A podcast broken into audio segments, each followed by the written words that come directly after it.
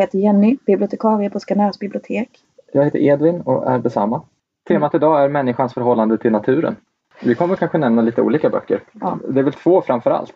Ehm, Och de heter Väggen och Jordlöparens bok. Jag såg på Twitter idag en någon som skrev en fråga. Om du fick äga bara fem skönlitterära böcker, vilka skulle du välja då? Vilka Ska jag svara på det? Nej, Nej.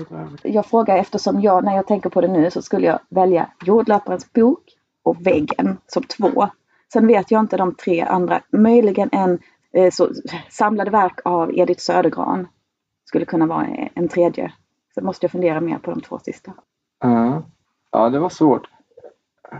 Känner du så ärligt inför Jordlöparens bok som du så nyligen har läst? Tror du att den kommer att hålla i eh, eviga tider? Ingen aning. Jag tror, alltså jag köpte den för att eh, den är en sån bok som jag kände när jag läste den här på biblioteket att jag vill äga den. Och jag tror jag kommer att komma tillbaka till den. Mm. Jag har svårt att tänka mig att jag inte kommer att göra det. Men visst, det är ju såklart en ny, alltså jag har läst den nu och det är nu som Ja. den är min favorit. Ja. ja, men absolut en kandidat. Ja, du, du kan fundera på det här och återkomma nästa poddavsnitt. Ja, det skulle ju faktiskt kunna vara temat för ett helt avsnitt nästan. Ja. Ja, Väggen av Marlene Haushofer. Mm. Det är en bok som väldigt många har läst och älskat. Den kom ut eh, 1968 ursprungligen. Jag tror att den blev stor först på 80-talet när den återutgavs har jag läst mig till någonstans. Mm.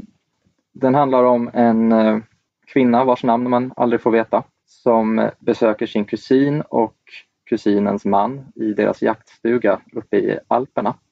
Och eh, en dag så ges, ger sig eh, kusinen och mannen eh, av ner till byn eh, men kommer inte tillbaka. Och kvinnan som är huvudpersonen ger sig ut och letar efter dem men på vägen ner till byn så stöter hon in i en osynlig och ogenomtränglig vägg. Hon är inmurad på något vis. Och när hon spanar ut genom den osynliga väggen mot andra sidan så ser hon att allting där är som förstenat. Eh, hon ser en man en bit bort vid en stuga som står fastfrusen mitt i en rörelse och allt levande på andra sidan verkar dött. Åtminstone allt levande djur och mänskligt liv. Växterna frodas fortfarande. Så hon återvänder till jaktstugan och därifrån med jaktstugan som bas så får hon bygga upp ett liv på nytt. Och för att överleva så måste hon jaga. Det finns lyckligtvis lite ammunition och vapen men det kommer inte räcka för evigt. Hon eh, samlar bär och frukter. Hon eh, lär sig att bruka jorden utifrån vad hon minns halvt om halvt från sitt tidigare liv om hur man gör. Ehm, hon eh, tvingas arbeta hårt med kroppen från morgon till kväll. Ehm, det finns inga andra människor kvar där hon nu befinner sig innanför väggen. Men hon har sällskap av några djur, en hund och en katt som blir hennes vänner och en ko eh, som hon eh, har som kamrater där i sin nya tillvaro. Eh, Så får man följa hennes, det som en det, boken utgörs av hennes rapport från sin, sitt nya liv. Det är dagboken då som utgör romanen. När den börjar så har hon varit bak väggen i tre år har jag för mig. Och hon skriver, det börjar med att hon skriver om att hon måste skriva för att inte förlora förståndet. Och hon försöker liksom hitta någon, något sätt att kommunicera även om hon inte vet om någon kommer någonsin att läsa det som hon skriver. Precis, hon, hon skriver någonstans att hon måste skriva, hon, hon, hon kan liksom inte komma undan tanken på att hoppet på att en människa kommer att hitta det här någon gång fast hon vet att det är kört. Fast det vet hon väl inte riktigt ändå. Eh, Hon har ju, hon, jag tycker det verkar som att hon inser det vart efter i alla fall. Att hon i, i den skrivande stunden vet det men att i tiden som hon redogör för så ha- har hon fortfarande ett, ett större hopp kvar. Mm. Vi ska väl säga att eh, vi båda har läst den här boken men ingen av oss alldeles, alldeles nyligen men vi har bläddrat lite i den nu och försöker erinra oss vad som egentligen står i den. Ja. Väldigt, väldigt många människor, när man nämner den här boken så säger folk Åh, den boken, den älskade jag. Eller Åh, det är min favoritbok. Jag har hört det många gånger. Jag också. Ehm, Ja, det är jättemånga som, som har det som favoritbok. Jag, bör, jag läste den eh, äh, ja, jag vet inte, ungefär tio år sedan. Och eh, fick tips om den. Jag hade aldrig hört talas om den. Jag fick tips om den från en kollega på biblioteket. Och då kände jag inte alls till någonting om den. Jag visste inte att det var en kultbok. Men det är det. Ja, det får man väl säga, vad nu man nu lägger i det begreppet. Liksom. Man kan ju också säga klassiker. Men, det, men, men kult har ju lite annan klang och, och mm. det är en sån en bok vars rykte har förts från mun till mun. Liksom, så mer än att den är självklart kanoniserad på så som, som de här stora klassikerna. Mm. Jag tycker väldigt mycket om berättelser som handlar om människor som överlever ensamma i naturen och det är en sån genre som jag har eh, tyckt om sedan jag var liten. Ja, samt, fast det, det, är ju också när man säger människor som överlever, nat överlever i naturen så tänker man så äventyrsromaner och så, men det är mm. det ju inte. Nej, både och. Ett äventyr. Ett, jo, ett långsamt äventyr. Jo, fast snarare inre än ett... Ja, i för, alltså, jo, en stor del av han, det som försiggår i texten är ju att hon plöjer åkrar och, och ansar träd och, och, allt möjligt sånt, bara massa jobbar med händerna. Mm. Eh, så på så sätt så är det ett yttre förlopp men jag tycker det är intressant att läsa om men det är inte det som gör att boken är så bra. Spänningen ligger ju inte i den yttre handlingen. Nej. Utan det är ju hur hon omvandlas genom att vara strandsatt där. Mm. Helt avskärmad från mänsklig samvaro, bara tillsammans med djuren. Mm. Och hon är ganska, hon har liksom inte gillat sitt liv tidigare. Sitt tidigare liv. Hon reflekterar bakåt och tänker på hon har, några två barn och hon som hon har förlorat kontakten med. Hon inte verkar inte bry sig så mycket om de barnen och hon har inte trivts med sitt liv och nu trivs hon naturligtvis inte heller direkt med att vara helt avskild men hon har plötsligt hittat en mening att överleva. Hon har plötsligt någonting som hon behöver kämpa för. Ja, samtidigt så undrar jag om det är en mening. För det är, hon är ju djupt desillusionerad genom hela, i sättet hon skriver. Det är en väldigt torr rapport så. Hon redogör liksom utifrån för sina känslor för saker och ting som att livet har blivit bara ett, ett eh, något stumt som, som löper på. Varför är den här boken så bra då? För det är ju, det är när vi pratar om det nu så låter det som att ja, det är så deprimerande. Hon har det jättejobbigt. Hon är bitter. Det är ett spännande tankeexperiment. Mm. Den här väggen som helt plötsligt har uppstått på ett eller annat sätt, det, låter ju lite science fiction så men det är ju inget, det är ju ingen del av, eh, inget som spelar någon roll liksom varför den finns där eller inte utan det är ju mm. effekterna på henne. Mm. Så på så sätt så är ju boken något, ett slags försök att tänka sig hur det vore att inte längre ha, få vara med andra människor. Mm. Djuren som hon har där blir ju jätteviktiga för henne och framförallt omsorgen om djuren att ha någonting att ta hand om. Även om de, hon kan inte ha det förhållande med djuren som hon har haft som man kan ha med en människa men hon att ta hand om dem blev väldigt, väldigt viktigt. Ja, samtidigt som det är en stor frustration att inte kunna komma dem riktigt nära. Eh, någonting som jag tycker jättemycket om med denna boken är slutet. Jag älskar slutet på denna boken. Men det ska jag inte berätta om vad det är som händer. Men jag kommer ihåg att när jag läste den att jag liksom så här nästan ropade högt. Alltså jag blev så överraskad av slutet. Jag minns det ärligt talat inte så väl. Nej, då ska jag berätta för dig när, jag har, när vi har stängt av. Ja.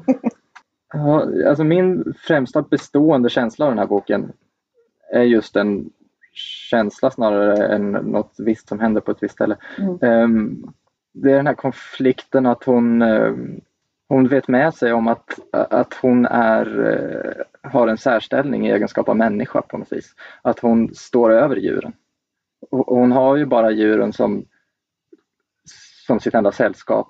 Och hon tvingas ju till att vara, leva jämbördigt med dem på, på ett sätt som, som människor i normala fall inte gör samtidigt så vet hon med sig att hon har eh, ett högre förnuft än dem. Och därmed ett större ansvar som, eh, som tynger henne. Men vad har hon ansvar för där då? Nej, det är, Det är just, ju djuren som hon har liksom åla- hon har ålagt sig själv att ta hand om djuren och därför har hon ansvar för dem. Och inget mer egentligen.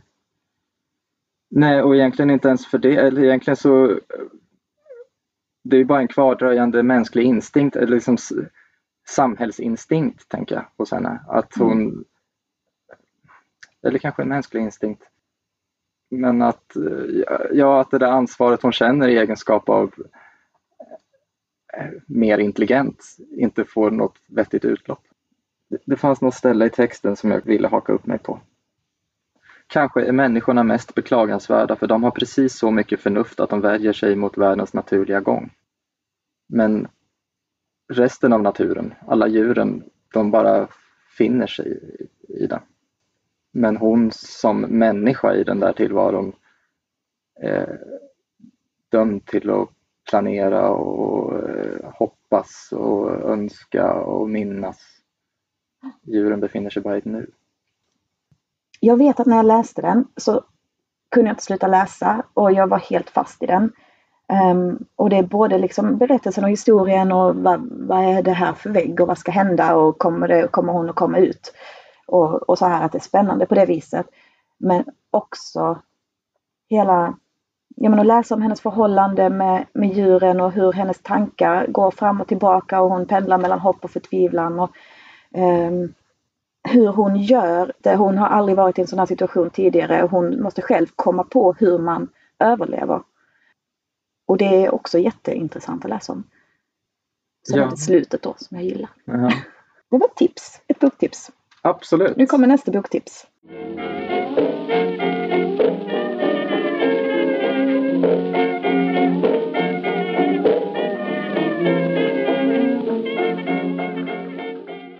Vi hoppas på ett lugn. Det kommer nog inte än på ett tag. Någonting står och kokar. Världens alla rulltrappor är fulla av varelser som innerst är något annat, eller har varit. Vi önskar att vi hade känt dem på den tiden. Vi kunde ha suttit vid en eld, tuggat på samma rot och sett små vita fjärilar glimma i mörkret. Jordlöparens bok av Thomas Tidholm. Det är en poetisk tankebok om människans förhållande till naturen. Um, undertiteln är Om natur, konst och människor. Den um, nominerades till Augustpriset förra året. Thomas Tidholm han är barnboksförfattare, eh, bland annat. Han är även översättare, fotograf, musiker och dramatiker. Eh, och han har skrivit ungefär 30 barnböcker tillsammans med Anna-Klara Tidholm som han är gift med. Och att han är barnboksförfattare det märks väldigt tydligt när man läser boken för han har ett väldigt enkelt sätt att uttrycka sig. Han uttrycker sig med stor klarhet och exakthet. Och eh, det här är väldigt lättillgänglig poesi som även personer som inte läser poesi så mycket kan nog ha ganska stort utbyte av denna boken. Jag läser inte poesi så mycket och jag hade stort utbyte av den. Mm. Den är ju liksom skriven på prosa ändå. Eller vad man ska säga. Jag vet inte, jag är, inte så, alltså jag är dålig på poesi. Jag här. Ja, den är klassad, den är ju som, klassad poesi. som poesi och det står dikter på omslaget så det är ju såklart Ja. det kan bli men, men eh, den är ju skriven i hela stycken. Ja, inga rim. Nej, Den handlar i alla fall om mykorrhiza. vad är det då? Eh, Det, är, det betyder svamprot och det är symbiosen mellan svamprötter och växtrötter. Och det handlar om svampar, larver, myror och om hur den moderna människan har förlorat kontakten med den här väven. Och han skriver om konst och om skönhet. Man kan ju slå upp en sida var man vill i denna boken och läsa liksom en sida vad som helst för det, det fungerar jättebra. Ehm, men det finns ändå en mening med att läsa från början till slut för han har en tråd i det. Han hoppar bakåt i tiden och han försöker hitta tillfället när det hände. När hände det att människan, när blev den moderna människan till och när förlorade hon kontakten med naturen? Och det är ju väldigt stora ämnen som tas upp och stora frågor som ställs som inte besvaras men ibland får man också författarens svar på de här stora frågorna. Och jag tycker att det är, det är lätt att sånt här blir banalt, men det är inte det. Mm.